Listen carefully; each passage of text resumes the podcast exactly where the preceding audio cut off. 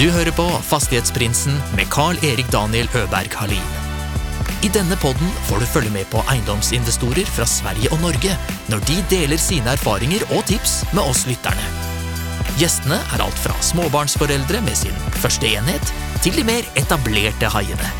God fornøyelse. Så det er jo utfordrende å komme til en bank, da var vi vel bare drevet i to år. Så å komme Ja. til en bank og si du, vi vil kjøpe ei tomt her, den koster 18 millioner, men Mm. vi har ikke penger. og Sånt. Det er jo ikke, det er ikke så lett. Entreprenør som driver eget byggfirma som han anvender når han utvikler leilighetskompleks i Bergen. Vi snakker bl.a. om risk og hva han har lært seg av å ta på seg for mye jobb. Velkommen in, Stian Bottnen! Tusen takk, og takk for at jeg fikk eh, komme og snakke her med deg. Det er jeg som skal takke. Kul at du kunne sette av litt tid midt mellom alle prosjekter og greier du holder på med. Ja, bare hyggelig, det. Du sitter i det som burde varit eh, Norges eh, hovedstad, om man får fråga den som bor der selv. Bergen. Ja, det kan vel være et poeng. Jeg er ikke fullt så inhabil siden jeg ikke er bergenser opprinnelig, da. Så. Er du ikke bergenser fra børren? Nei, jeg har vokst opp i Jølster i Sogn og Fjordane. Okej. Er det noe som man skulle høre om man uh, kan uh, høre på dialekter eller? Ja, definitivt. Jeg snakker jo Ja. ikke bergenser, selv om jeg har bodd her i mange år, så eh, Ja. hadde det, det, ja, det får- hadde blitt et nederlag. Da får jeg fortsette min winning streak på at jeg ikke kan noe om geografi. Ja. Hva var det som gjorde at du eh, endte opp der da, i Bergen? Det begynte at jeg jobba altfor mye hjemme, og så tenkte jeg at jeg må ta litt mer utdanning, så da flytta jeg til Bergen for å gå teknisk fagskole bygg og anlegg. Og så Ja. balla det på seg, og så tok jeg byggingeniør rett etterpå. Mm. Hvem er Stian Botnen, og hva gjør du når du ikke holder på med eiendom og alt som har med det å gjøre? Nei, jeg tenker jeg har mange interesser. Jeg liker jo å være sporty, så jeg har jo en bakgrunn eh, der jeg konkurrerte i styrkeløft, blant annet. Ellers har jeg Mhm. holdt på med idrett hele livet. Så Ja. liker jeg nå å lese, være ute, reise. Så det er jeg underernært på. Være på Ja. fjellet, stå på ski, være på sjøen. Ja. Sosialt på puben, se fotball. Så det er mange, mange interesser. Jeg har mange interesser. Det er bare Ja, men det er bra. Vi snakket jo litt tidligere om du har jo et eh, entreprenørsfirma. Eller er det, Det rett betemning på det? Ja. Det stemmer. Hvor lenge har du drevet det? Det starta i 2010, så det blir tolv år nå til sommeren. Mm. Hvor stort er det, og hva er det ni i hovedsak driver med? Nå er vi seks mann, men eh, på det meste var vi 30 med innleggede, da. Men det, det var så mye stress og mas at det orka jeg ikke. Så da nedbemanna okay. vi, og de siste tre-fire åra så har vi vært seks til åtte mann. Og det er helt perfekt, for da har vi kontroll på kvalitet og logistikk og alt. Og vi tjener men penger. omsett, omsetter ni mindre enn hva ni gjorde da? Ja, ja, i vesentlig mindre, men bunnlinja er jo vesentlig høyere òg. Ok. Så det er jo det Mm. viktigste. Omsetning er egentlig ikke så interessant hvis de ikke en tjener penger. Det er et godt poeng, det. Ja. Det er lett å ja, men Det er viktig å finne den, den nivåen for å maksimere bunnlinjen. Ja, dette er, dette er en kunst. Så det er ikke alltid vekst er det fornuftige. Hvordan landa hur ni på just den, eh, at det er den magiske eller der, der omkring er den magiske storleken? Det er litt det at det er en håndterbar størrelse å administrere for en person. Samtidig så Mhm. det er lett å ha flinke nok folk ute på det antallet. Passerer du ti-tolv stykker, så blir det vanskeligere og vanskeligere å få tak i gode folk som du kan sende rundt mm. omkring, og så klarer seg sjøl å Mhm. levere den kvaliteten som du ønsker. Ja. Så jeg bruker å si vi er mer en kameratgjeng enn et firma, på en måte. ja. Er de også involverade i i den uh, egna eiendomssatsning? Ja, han kollegaen min som jeg starta firma med, vi har jo starta flere selskap, så vi driver jo eiendomsutvikling og utleie i lag, i egne selskap. ja. Eiendomsutvikling, hva er det for type av eiendomsutvikling som de driver med der? Eh, Vi har utvikla alt fra eneboliger til eh, det største prosjektet vi utvikla, er et blokkprosjekt med tre blokker og 31 leiligheter. Og er til dere själva, liksom, eller? Ja, vi hadde jo med oss investor, da, for det er jo ganske kapitalkrevende å løfte et sånt prosjekt. Ja. Men det sto ferdig i 2015. Mm, Og så okay. har vi nå utvikla og bygd ferdig seks rekkehus et par år etter det igjen. Og diverse tomannsboliger og litt forskjellig knask. Mm, ja. Om du ville si, om du ville si liksom, hva din, hva din primære eiendomssatsning er? Er det kombinasjon av eh, utleie og utvikling, eller er det mer det ene eller det andre, det tredje? Ja, det er egentlig en kombinasjon, og det er jo egentlig så enkelt at hvis det er et interessant prosjekt, så er det interessant. eh, uavhengig om det er til salg eller til utleie. Mm. Så, eh, og, og en del av formålet vårt er jo at siden vi har et byggmesterfirma, sant, så er det jo ønskelig for oss å finne prosjekt og utvikle dem sjøl, fordi at eh, da sitter du på en måte igjen med begge endene på tauet. Du har kjøpt mm. eiendommen, du kan utvikle den, og du kan bygge den ut sjøl, og ha fortjeneste på både entreprenørsida og eh, avhendingssida, da. Mm. Eller du kan sitte lang med eiendommen og, og drive utleie, som òg er attraktivt. Prøve å bygge eh, er blitt litt mer sånn eh, stein på stein-filosofi i forhold til hva det var før. En blir jo eldre og, og mer erfaren, så jo flere prosjekt en gjør, og jo lenger en kommer, jo mer opptatt blir en jo av risiko og, og tenker langsiktig, da. Før var det jo kanskje Mm. mer sånn om å gjøre å få flest mulig prosjekt på en gang, og så drukner du deg sjøl, og så ble det egentlig bare stress og mas, og kanskje ikke den kvaliteten du ønskte på sikt. Ja, ok. Har du noe eh, eksempel som du kan ta opp der, På noe prosjekt som ikke gikk som, som yeah. planlagt? Ja, det har jeg nå for så vidt flere, men på, på eiendomsutviklingssida og boligutleie har det egentlig gått bra. Det er mer på entreprenørsida eh, i den store mm. vekstfasen. Når vi skulle vokse som byggmesterfirma, inn, spesielt inn mot det leilighetsprosjektet, så ansatte vi for mye folk, og ja, vi tapte mye penger da. Så det var det, men det var i hovedsak på entreprenörs... Eh, Ja, det var på utførende sida. Rett og slett for dårlig produksjon og for dårlige kalkyler. og ja, Summen av mange ting. Vi ansatte en arkitekt, blant annet, det fungerte ikke. Hvilke tjenester har ni inhouse og hvilke kjøper ni? og varför? Nå har vi Egentlig gjør vi jo alle fag hvis vi må det. Eh, Men eh, vi er jo tømrere og betongarbeidere av natur. Ja. Men mm. når det røyner på og vi ikke får tak i folk, så tar vi alle fag. Og det inkluderer jo meg òg. Så i høst måtte jeg ut og leie meg stor gravemaskin og pigg og grave ut og meisle ut ei tomt fordi vi ikke fikk tak i folk. Mhm. Bruker å si at ringen er sluttet, for det var det siste faget jeg ikke har gjort sjøl på et prosjekt. Ellers har jeg gjort alle fag. Så det, og det, det er den fleksibiliteten vi har òg som selskap, at vi kan ta alt og ikke være, måtte være avhengig av andre og måtte vente på det. Som eh, kan være utfordrende. Så av alt jobb som entreprenörsfirmat gjør, hvor stor andel av egne versus andre kunders prosjekter er det som ni gör? Eller som de jobber på? Jeg vil nok si at vi nærmer oss en 75% på egne prosjekt. Ok, det er såpass mye? Ja. Og det Mhm. vil jo variere litt, selvsagt, alt etter hvor vi er i utviklingsfasen òg. Men vi har jo masse spennende prosjekt på gang nå, så ideelt sett skulle vi jo kun hatt jobb til oss sjøl, men uh, vi fyller jo egentlig bare på med mindre jobb for private kunder. Vi tar ikke større prosjekt. Hvis prosjektet går over et halvt år, så er det for stort for oss.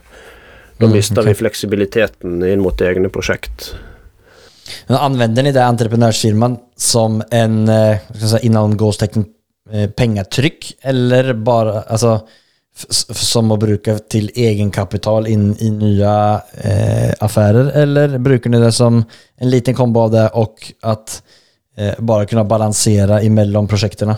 Egentlig mest det siste. Det har ikke vært noen pengemaskin sånn sett til å investere i ny eiendom. Det er mer den eiendomsutviklinga sjøl som har vært.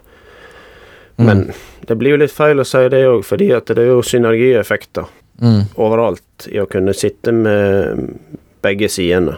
Men ni startade som entreprenørfirma, og så Ja. fant, fikk ni opp øynene for at det, her sitter ni på en eh, skatt for å kunna utveckla och skapa värdier i egna portföljer och utvecklingsprojekter. Ja, jo da, vi har jo alltid Vi har jo sånn sett var vi jo interessert i det både før og med en gang vi starta, så det var egentlig ikke noe nytt sånn Mm. sett. Men det er jo kapitalkrevende å kjøpe tomter og utvikle og sånt, Mm. sånt så Hvordan har ni løst den biten, i, altså da, i et så stort prosjekt som det var tre blokker? Ja, det var vi jo nødt til å ha med oss en investor, fordi det var jo utbygging til 100 millioner. Mm. Så det er jo utfordrende å komme til en bank, og da var vi vel bare drevet i to år. Så å komme Ja. til en bank og si du, vi vil kjøpe ei tomt her, den koster 18 millioner, men vi Mm. har ikke penger. Sant? Det er jo ikke, det er ikke så lett.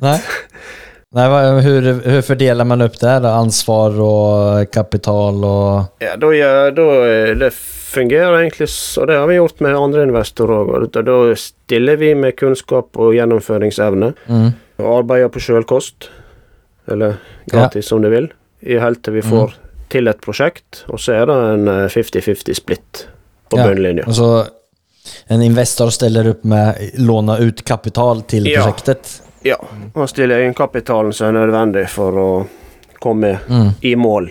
Er det en praksis som dere bruker på de fleste prosjekter, eller? eh? Ja, det har iallfall vært det nå. Det kjøpte vi jo nettopp en egen ny eiendom, og da gikk vi inn eh, likt med han investoren. Mm. Er det samme investor? Eller har ni flere ulike? Ja, dette er han som vi har jobba med på Har med de siste eh, fem åra. Ja, ok, Kult. Så det fungerer bra. En veldig bra mann. Hvordan får ni tag på deals? Er det på Finn eller er det kontakter eller? Ja, det er mest på Finn, men uh, når en blir kjent med megler og sånt, så får en jo litt telefon og, og gjerne en heads up hvis noe kommer til Ja. å komme for salg. For det er utfordrende å sitte på Finn, sånt der ser jo alle det, og uh, en må handle raskt. Mm. Så det, men eh, den ene utleieeiendommen vi har, den fikk vi utenom markedet, fordi at en megler ringte til oss og spurte om vi ville kjøpe et selskap. Hvor stort var det? Nei, ti millioner. Altså, når när man får en sånn relasjon med en megler Ja. I det der tilfellet der var det så at selgeren ikke ville at den skulle komme ut? Og at han ønsket en raskere affær? Eller, Ja, eh, det handler egentlig veldig ofte om hurtighet. Jeg har alltid lurt på dette sjøl, for jeg tenker at jeg ville ikke gjort det samme. Ja, de ville hatt den ut på det åpne markedet, men det er stadig denne typen uh, muligheter som dukker opp. Og det er gjerne folk som trenger en rask avklaring. Og her var det jo et selskap som skulle selges, og det er kanskje ikke like lett å legge et selskap ut på Finn. Nei. Ni har jo er styrke i at ni er entreprenører. entreprenörer, ni har kunnskap i å utvikle og bygge og mye fagkunnskap innom det som gjorde at ni kunne attrahere dere en eh, investor som ville gå inn med penger i redan efter två år Mm. i er eh, entreprenörskapsresa. Ja, han investoren han hadde eh, mye svettetokter. Ja, ok, han hadde Så det var, mange han- han med var veldig mange interessante samtaler på kammerset før vi eh, kom i mål der. For det er Ja. klart, han hadde jo nesten satt eh, livsverket sitt på spill. Ja. Det er jo en tillitserklæring å ha fått den muligheten. Så.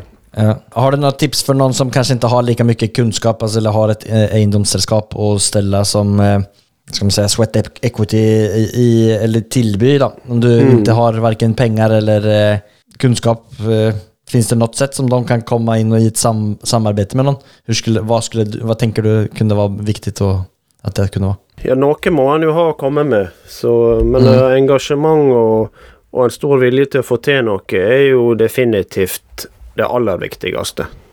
Hvis ikke en har det, så hjelper det jo ikke om en har penger eller eh, kunnskap. Men Hadde det passet inn i noe projekt hos er? Alltså om det var en, en person som hadde et jævla pågangsmot og ville... Jeg brinner virkelig for det, jeg vil få til det, men jeg, jeg leser på alt jeg kan. Eh, Mm. Sliter på å prøve å skapa med egen kapital, men det er mange år fram til jeg har noe som jeg kan komme og bidra med. Ja. Vilken roll tror du, hadde du sett for seg at, det, at den personen kunne ha? Eller er det liksom litt for farfetched? Nei, altså det er jo vanskelig, naturligvis, fordi at uh, du må jo alltid ha noe å komme til bordet med.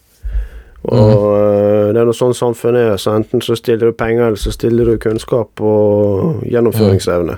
Jeg snakker med ganske mange eh, eiendomsentreprenører eh, daglig nå hver uke. og vi vi ofte bo- ofta emnet bort i er lite dirty.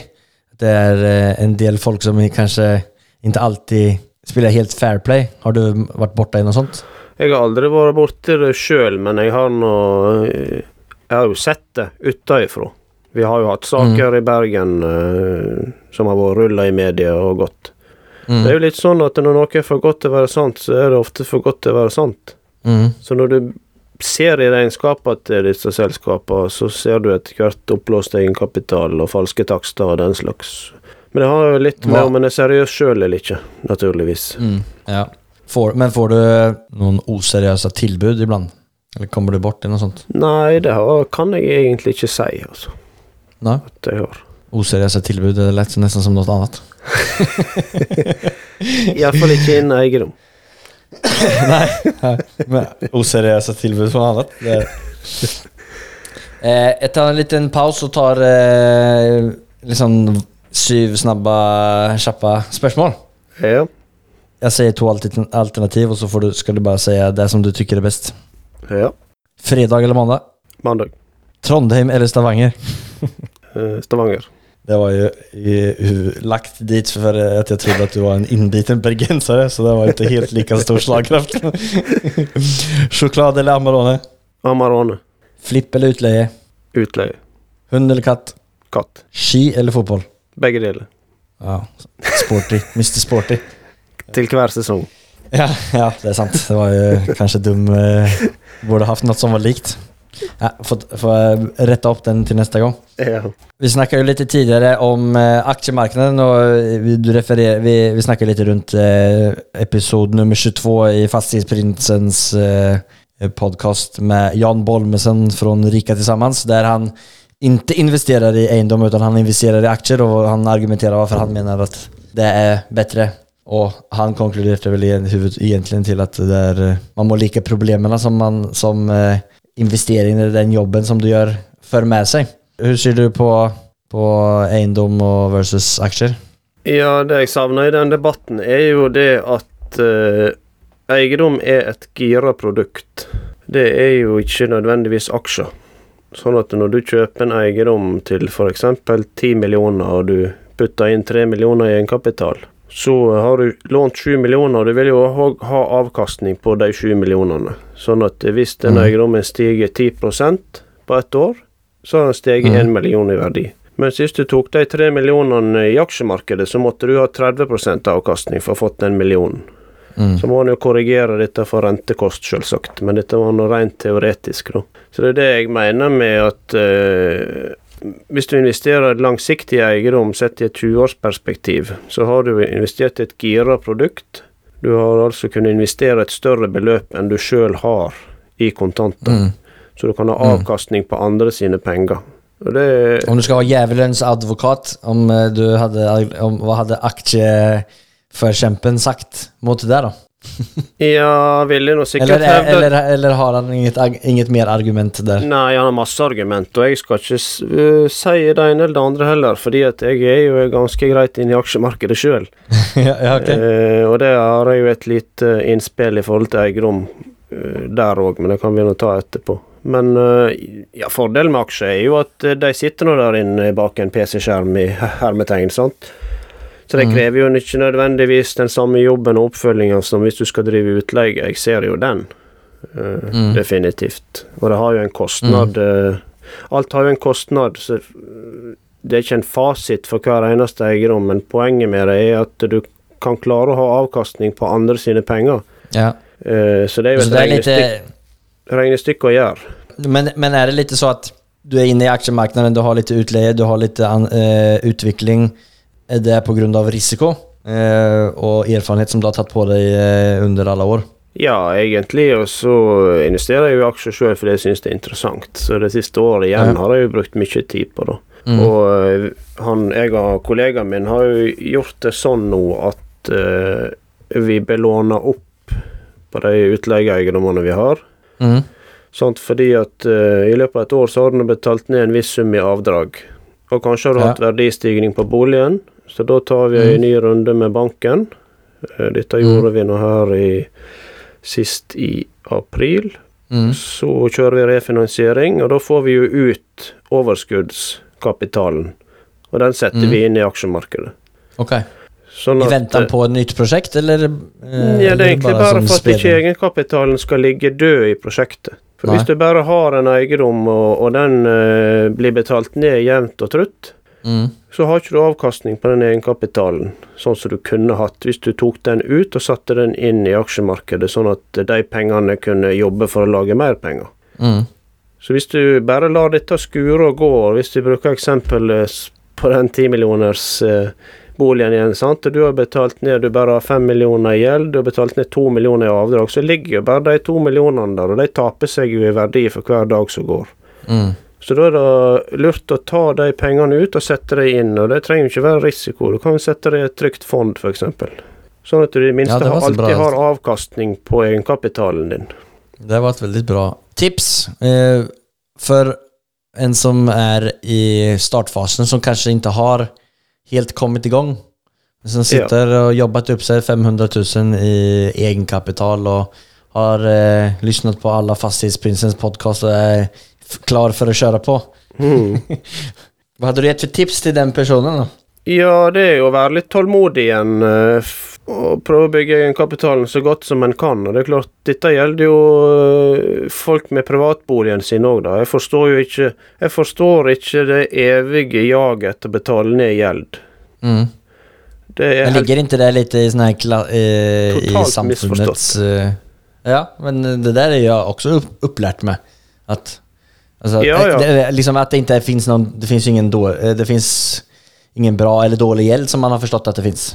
Nei, altså skal du komme deg noen plasser i verden, så er du jo avhengig av gjeld, Mm. tenker jeg. Så enkelt er det. Ja. det jeg kjenner mange rundt meg òg som er opptatt av å betale ned gjelda si. Jeg syns det er helt galskap. Spesielt nå når det er så mye snakk om inflasjon.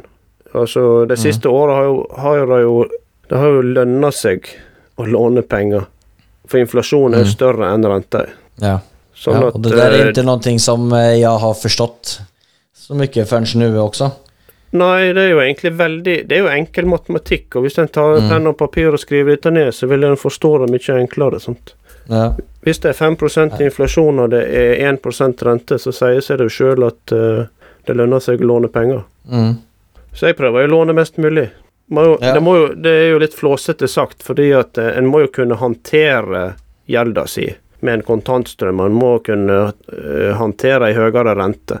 Mm. Så en skal ikke hoppe helt sånn hodestups inn i det. Men uh, har en tenkt seg godt om, så vil det lønne seg å, å hele tida låne opp og plassere de Mm. pengene inn, sånn at de kan være arbeidende kapital da, og gi avkastning. Hvor mange utleieenheter har ni Og hvor mange egne utviklingsprosjekter ni har gjort eh, hittills?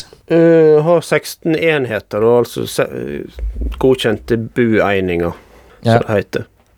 Så eh, Mm. det er fordelt på uh, seks uh, lokasjoner. Mm.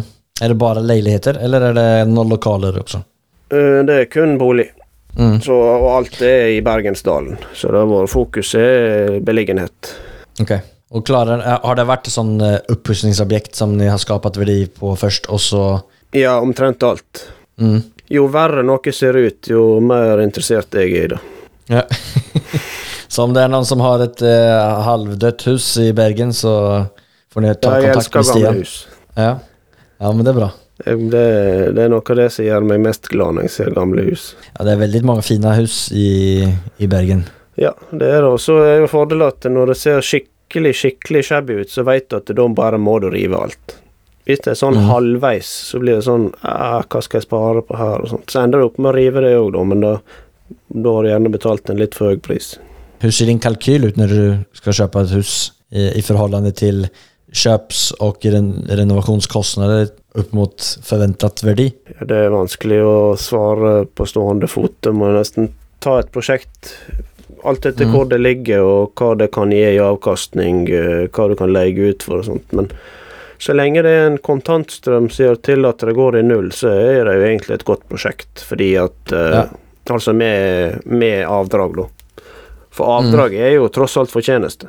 Det er jo mange som glemmer. Men når du har betalt ned 150 000 i året i avdrag, så er det 150 000 i fortjeneste. Den avkastningen som dere har fra deres utleieenheter, reinvesterer ni alt det? Eller eh, du sier at det er et bra prosjekt, så klart, i et sentrum, i sentralt sted som Bergen, Mm. eller i sentrum i Bergen, eh, och ha en sånn case så skjønner jeg vel at det er veldig bra. Bruker ni de som liksom sikkerhet for å kunne kjøre andre Ja. prosjekter?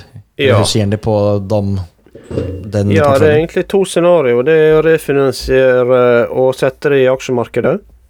Eller så er det å bruke eh, den økte egenkapitalen til å finansiere et nytt prosjekt. Mm. Og det er egentlig ikke noe problem. Det som vil stoppe deg med det, er jo kontantstrømmen. At du er i stand til å betjene. Ja. For det har jo vært ganske lukrativt bare det siste året å eie eiendom i Bergen, f.eks.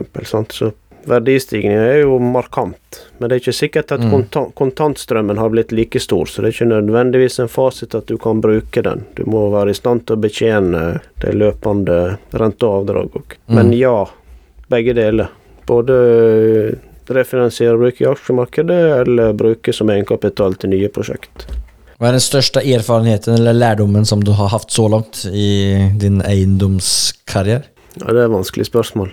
Ja, det var, Men uh, det var litt stort. Jeg tror jeg vil heller gå for den eh, positive biten med at eh, det er utrolig hva du får til, bare du ikke er så opptatt av å feile. Ja. For uh, Har du vært redd mange ganger? Nei. Altså i, i forkant av uh, et prosjekt, eller når du skulle hoppe av eh, fast jobb og starte eget? Nei, egentlig ikke. Jeg har ikke det der eh, Jeg er nok ganske uredd, sånn sett. Jeg Mm. tar ikke for stor risiko heller, syns jeg, men uh, jeg prøver alltid å fokusere på oppsida, da, uansett. Ja. hvordan det går. Og så har du nå Har du jo stort sett gjort en god jobb på forhånd da med kalkylene og budsjettene dine. Mm. Sånn at du veit jo det at du går til et godt prosjekt. Du veit at det kan bli skjær i sjøen, og det må du bare akseptere. Det er en del av gamet. Mm. Men eh, at det aldri lar det At du aldri lar deg stoppe da av at det er nedturer. Og, at og at veien er målet. Mm. For jeg hadde jo Nå er jeg blitt 40. Og jeg hadde jo Ja. lenge som mål om at jeg skulle liksom pensjonere meg når jeg var 40. Ok. Men så skjønte jeg jo det at grunnen til at jeg ville pensjonere meg når jeg var 40, er den samme grunnen til at jeg ikke kan gjøre det. Hva er det, da? Nei, det er det at jeg eh, alltid må eh, søke etter å utvikle meg og utvikle nye prosjekt. Mm. Sånn at eh, når du på en måte når det målet, da, så kan du ikke bare sette deg ned. Da blir du ulykkelig. Jeg prøvde jo å ta Mm. fri i noen måneder, og da ble jeg bare deprimert av. Ja, ok. Så da var det bare det, det er är så klassiskt, man oppnår målet som man hadde forestilt seg, hvordan det skulle være, og så Ja. hadde du egentligen misforstått det. Eh, du sier at eh, själva resan och utvecklingen är eh, det som är målet. Helt klart uh, reisa som er målet. Fordi at uh, du kommer aldri til en ende. Du har alltid lyst til å utvikle noe nytt. Og det er jo mennesker du møter og prosjekter du jobber med, som på en måte gir deg energi. Når du har nådd nått det målet og liksom landet i det nå, kjenner du at du har en lavere puls? Alltså, du har jo ändå åstadkommit, om man ska kalla det ekonomisk frihet, du hade kunnet kunnat slappa, alltså, du jobbar ju av kanske en annen motivation nu enn hva du gjorde for fem eller tio år siden. Jeg er iallfall mer opptatt av å jobbe mindre Ja, ja nei, men og precis. bedre. Det er jo utrolig hvordan en utvikler seg som person, og jeg tenker da at når du driver i forretningsverdenen, så, så utvikler du deg nok enda mer raskere, fordi du må. Mm. Ja. Jeg har alltid tenkt at det var interessant å snakke med seg sjøl for fem og ti år siden. ja, det var det, det var det jeg tenkte å si. Hva skulle du sagt til deg selv da? Ikke ta på deg så mye arbeid, Nei. og ikke ta så stor risiko. Det er det jeg hadde sagt til meg sjøl for sju år siden. Men var det på at av att du, att du ramla bort i det prosjektet som ble for stort? Ja, det handler nok mer om den eh, Jeg vet ikke om vi kaller det ukontrollerte, men kanskje litt for eh, altfor raske veksten da som vi hadde i det entreprenørselskapet Mm. vårt. Ja. Så det, sånn sett så er jo det på sida av den eiendomsbiten, da, men det, alt henger jo sammen. Du skaper jo masse kunnskap der. Altså, hadde du... Ja, hadde det er, en, det er jo en klisjé, det òg, da. Men jeg må jo si det òg, at det ville jo ikke vært det foruten. Nei. For alt har jo en mening. Mm. Det er jo ikke tvil Jo, om. det... Så det var jo en enorm kunnskapsbygging. Altså Det er jo Mm. når ting går gale og er vanskelig at du lærer noe. Det er jo ingen som lærer noe som helst når alt går på skinner og er fryd og gammen. Da surfer du jo bare av gårde, sant. Du tenker ikke over noe som helst. Men når ting går gale og er vanskelig, Mm. så må du gå dypt inn i deg sjøl og leite etter løsninger og alternativ. Mm. Nej, men det blir lite så här motsägelsefullt om man ska säga till någon som kanske inte har kommit helt dit och inte har den här erfarenheten också. Att du måste ta det lite mer lugnt. Eh, ta inte för stor risiko. Nästan. Den balansen. ja, nej, men för, man, det är ju liksom en, en som har det där drivet. Den vill ju bara gå bort i alla de här olika möjligheterna som man eh, ser. Och så ska man ju få några käftsmällar. Ja, ja, ja. Jag Definitivt. tror det är svårt att, att få bara, ja men du, du kjører på for hardt. Det går jo ikke inn. Nei, det gjør ikke det. Så du må erfare det sjøl. Det er jo ikke tvil om. Men uh, det er klart at å ha uh, en slags mentor eller tilsvarende å snakke med, vil jo hjelpe deg langt på vei. Det har, det har jo ikke jeg hatt. Så jeg har, jeg har søkt det i bøker og lignende. Mm. Nei, det samme. Jeg ser... eh, Det var litt derfor jeg, som jag startade den här podcasten också. För att ha noen Ja. som... Hitta folk som har gjort det som jag vill göra. Ja. Och kunna pick your brains eh, och få sådana här samtal. Ja, ikke sant? Men vad är det du saknar då? Eller vad är det du hade velat ha? Nå i en mentor eller en coach? Kanskje litt mer sånn konsekvenstenking. eh, Og risikovurdering. Langsiktig tankegang. Fordi at når du står oppi det i starten, så blir du litt kortsiktig. sant? Det blir sånn uh, ny deal og ny deal og ny deal hele veien, istedenfor å på en måte fokusere på at ok, hvordan ser det her ut om ti år, hvis jeg går inn i det her nå? Eller vil det her hindre meg i et bedre prosjekt? Tar jeg dette prosjektet bare fordi jeg kjeder meg, og fordi jeg tenker at jeg må ha et nytt prosjekt? For eksempel. Hvilken type av eh, erfarenhet og kunnskap hadde du sett at denne mentoren eller coachen hadde haft? Nei, da tenker jeg egentlig at han måtte være en person som har eh, levd en stund og mm. gått gjennom de fasene. Og Han trenger ikke nødvendigvis ha drevet med eiendom heller, eh, for mekanismene er jo ofte like på tvers av eh, yrkesretninger. Är det noen spesiell kunnskap som du ønsker eh, att du hadde litt mer av som naturligt den här personen kanskje kunne være litt sterkere i? Ja, ren erfaring ifra eh, Ja, det blir litt det samme, altså. Risikovurdering og mer langsiktig tankegang er kanskje riktig å si. Mm. at du tenker For er du 30 år, da, så tenker du jo ikke på hva du har når du er 40 eller 50. Nei. Men det kan jo være helt enorme verdier, hvis du virkelig tenker over det. Og, det ikke at, og det aller verste som kan skje, er jo at du blir eh, 40 år, og så mister du alt. Du har jobba i 10 år, og så mister du alt. Og det kan du risikere hvis du går inn i de feile prosjektene. Mm. Så en må aldri glemme at uh, hvis en har fått til noe, da, så må en på en måte aldri glemme at en sitter med det i bånn. Og en må ikke overspille risikoen. Det, det er jeg blitt litt opptatt av. Jeg er, blitt, jeg er jo redd for å miste det jeg har oppnådd. For å begynne helt på nytt igjen nå, det er jo vil jo være tungt. Hva gjør du for å sikre den positionen som du har nå, da? Det går annet ikke inn i nye prosjekt før jeg føler at en er klar for det. Eh, Og at, og at en kan håndtere det eh, økonomisk hvis det ikke skulle gå sånn som en håper, og at en på en måte har kontroll på nedsida. Hvis en kjøper en ny eiendom og vil utvikle den, så er jo risikoen at du ikke får utvikle den. Ja. Uh, Og da må du kunne håndtere det uten at må at det går mer med i sluket, da, for å si det sånn.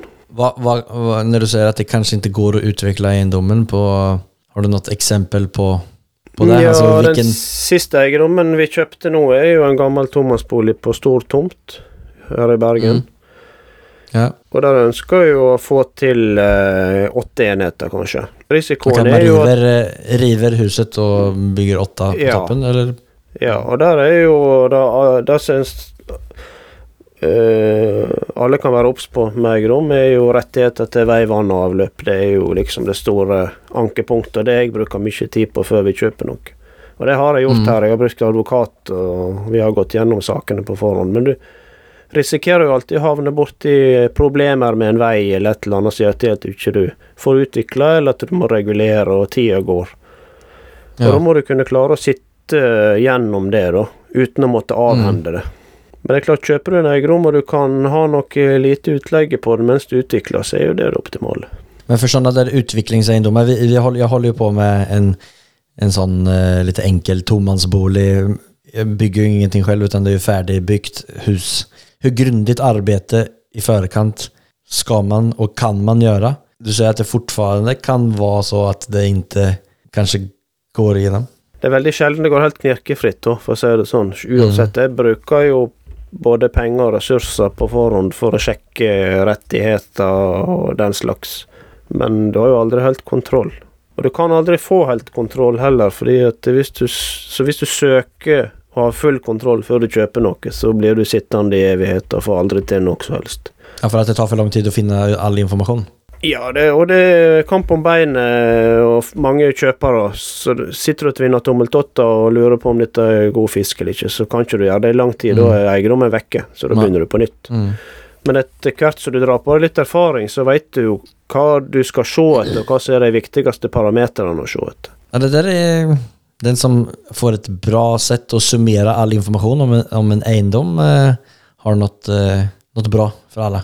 Så istället för att man måste ringe ringa till kommunen och leta under en sten och några papirer från... Det fins Eh, folk som kan hjelpe deg, eh, så hvis du er villig til å betale noen tusenlapper, så kan du få noen til å se gjennom plangrunnlag og eiendomsstatus og den slags, og så kan du få en liten rapport for det. Så hvis du ikke har peiling på noe som helst, Mm.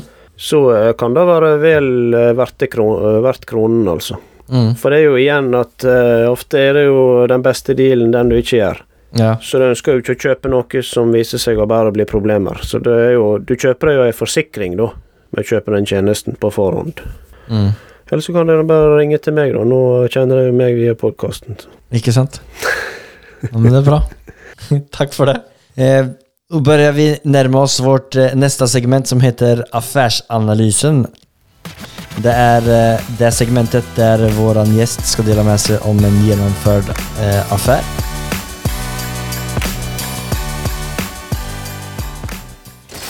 It has not been easy for me. And, you know, I, I started off in Brooklyn. My father gave me a small loan of a million dollars.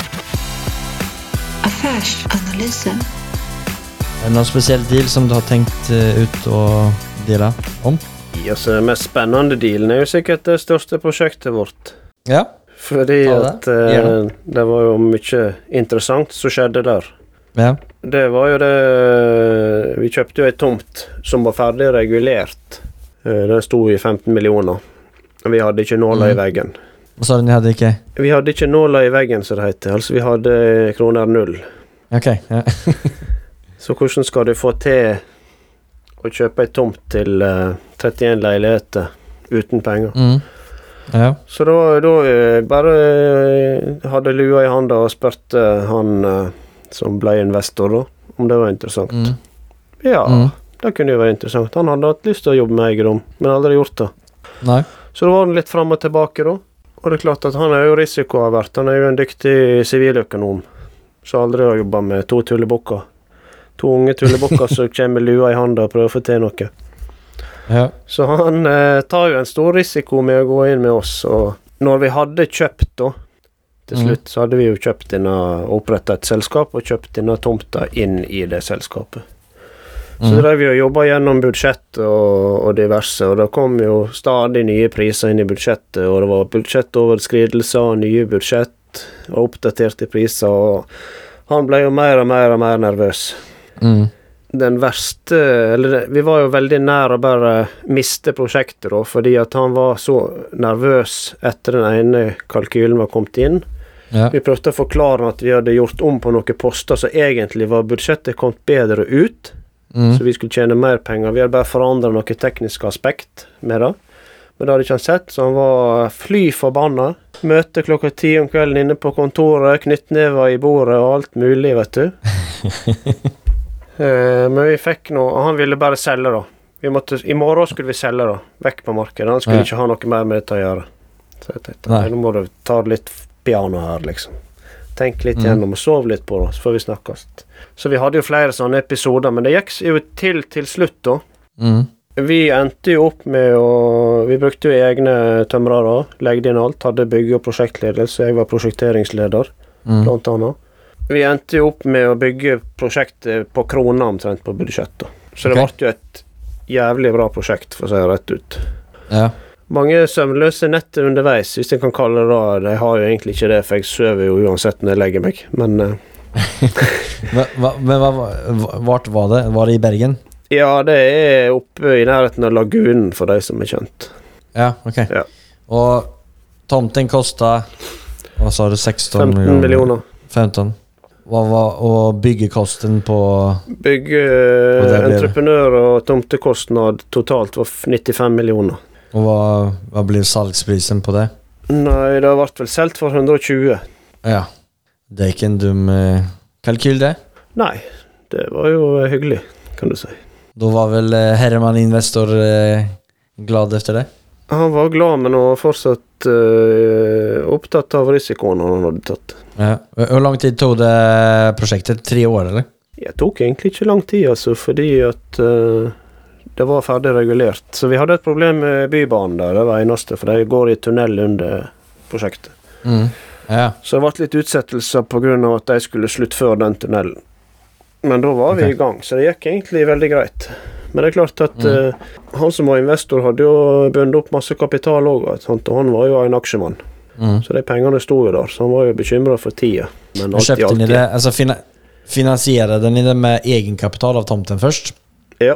Og Kjørte ni prosjektet i etapper med banken? Nei, de kjørte eller- det bare i, i en jafs. Vi solgte 60% og så måtte det inn Mm. noe mer egenkapital. Så det sto nå vel Jeg tror eh, på det meste måtte det være tilgjengelig over 20 millioner i egenkapital, så det sier jo litt om hvor krevende det var å løfte, da. Mm.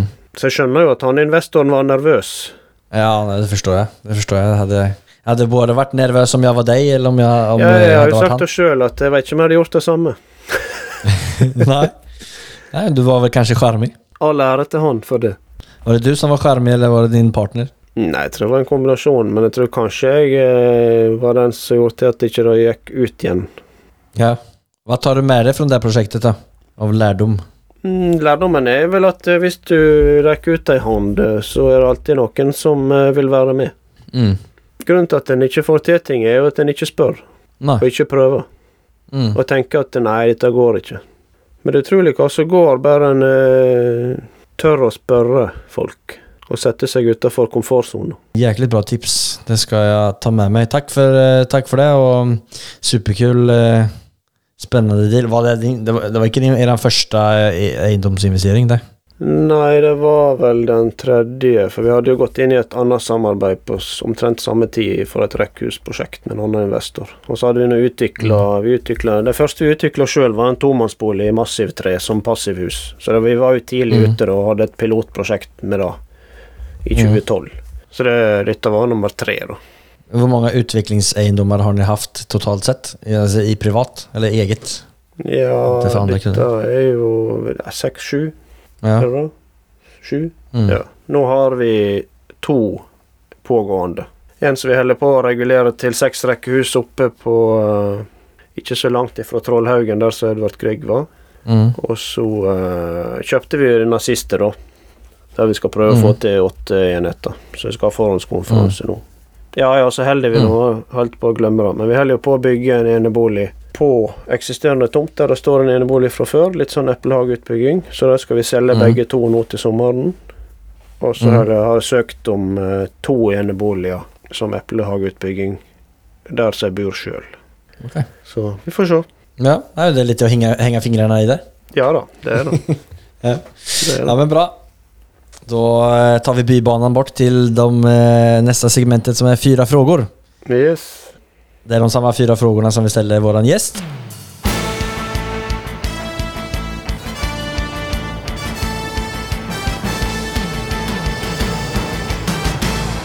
Cuatro preguntas. Och den första frågan är Vad är det som skiljer från en framgångsrik entreprenör mot de som inte lyckas, slutar eller aldrig kommer igång?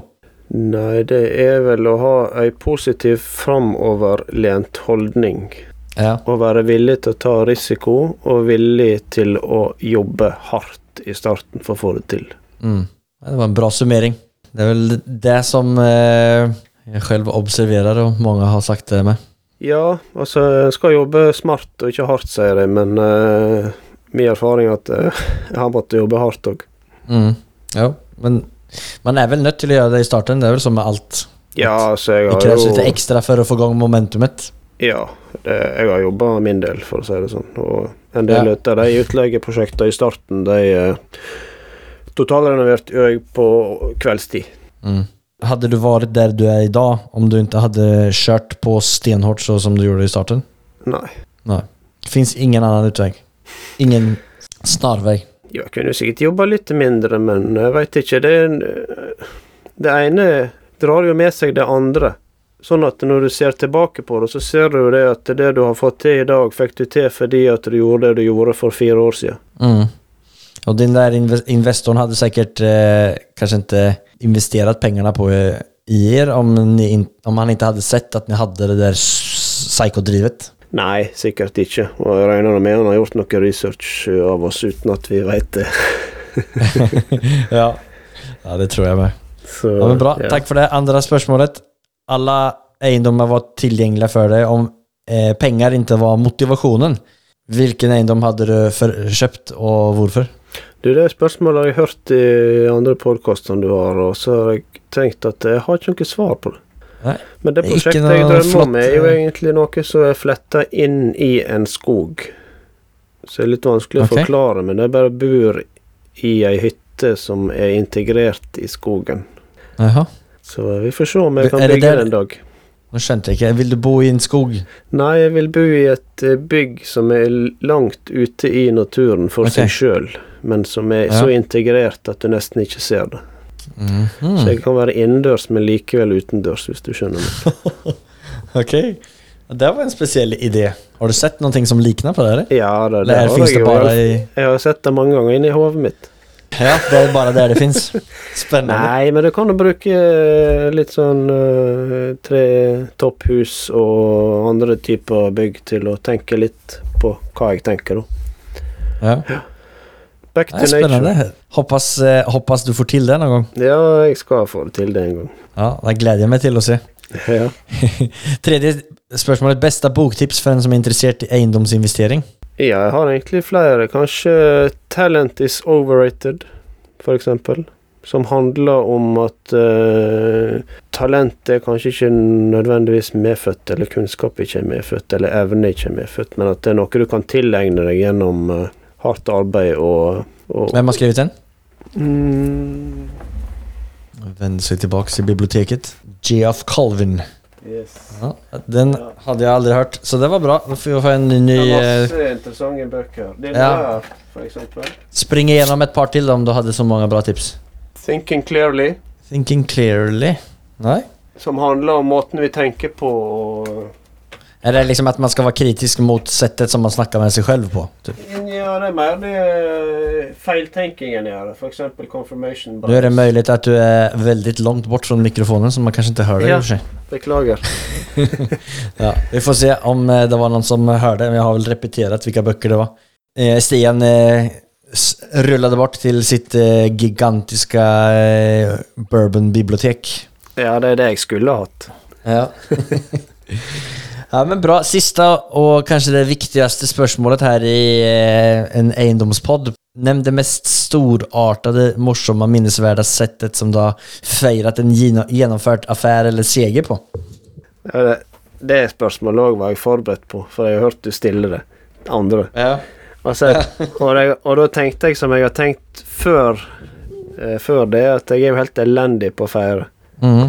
Vi er for dåliga på feire, alle sammen, syns jag. Ja, Det som har vært problemet mitt opp gjennom året, er jo at det har vært en seier i seg sjøl å bli ferdig med noe, fordi at det var noe annet som skulle vært gjort. Ja, ja. ja men det er vel det, det, som er så det er eh, ikke noe å være stolt av. Men uh, det er jo sånn det er. Mm. Så jeg er ikke, jeg er ikke flink til å feire jeg, ikke min egen bursdag engang. Så, Nei, for satan. så det burde jeg jo bli flinkere til. Ja, vi skal anordne en stor eh, bursdagsfest til deg neste gang. Har- har du bursdag? 20. oktober. Vänta, vänta, eh, vänta dig ett eh, helt tåg med egendomsnördar som kommer stå ute och sjunga med Ja, ja, det var kult, det. egendomssäsonger för dig. Det er sant. Det er kult, det. Nej, men eh, då får du lova mig att eh, i vart fall för du bygger din eh, trähytta att du eh, får igång och fira lite bättre. Ja, vi har hatt en sånn avslutnings... eh, For det store leilighetsprosjektet hadde vi en avslutningsfest med middag og full pakke på, en, Mm.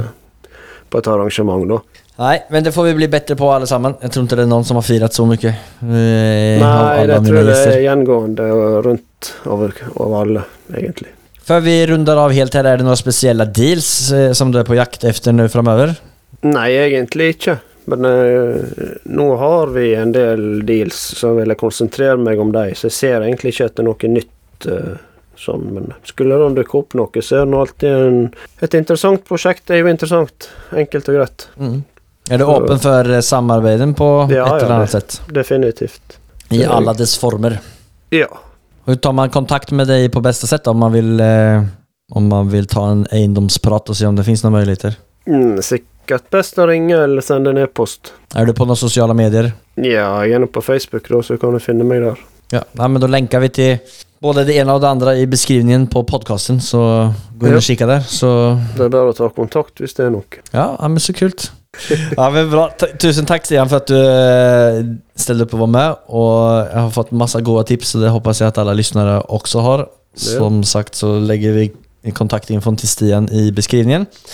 Og ta gjerne kontakt.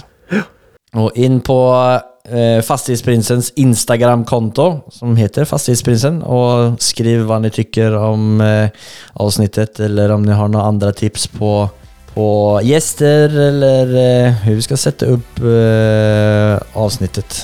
Så Stian, du får eh, lykke til videre med dine utviklingsprosjekter, og spesielt din trehytte. Jo, takk det samme. Så snakkes vi. Det gjør vi. Ha det godt. Ha det, ha det. Ha det. Detta med inflation på pengar og den effekten det har på ditt lån blir en eye-opener for meg denne veckan. Att lånet blir mindre verdt over tid i og med at 10 miljoner i lån om 15 år ikke har samme värde som det har i dag. Ytterligere en effekt som gjør det fett å investere i fastigheter. Tusen takk for at ni lyssnar, verkligen. Om ni gillar det vi gjør, så vil jeg jättegärna at ni følger oss på den plattformen som ni lyssnar på. Och följ oss också på Instagram där vi heter Fastighetsprinsen. Det hjälper oss att nå ut till ännu flera som vill lära sig om fastigheter, egendom. Men vad är det jag ser här utanför fönstret? Nu kommer en granbuske gående här. Det var märkligt. ja, just det. Jag lovade ju Stian att jag skulle fläta samman hans hytta med skogen. Så det är bäst att jag går ut och hjälper. Ha det!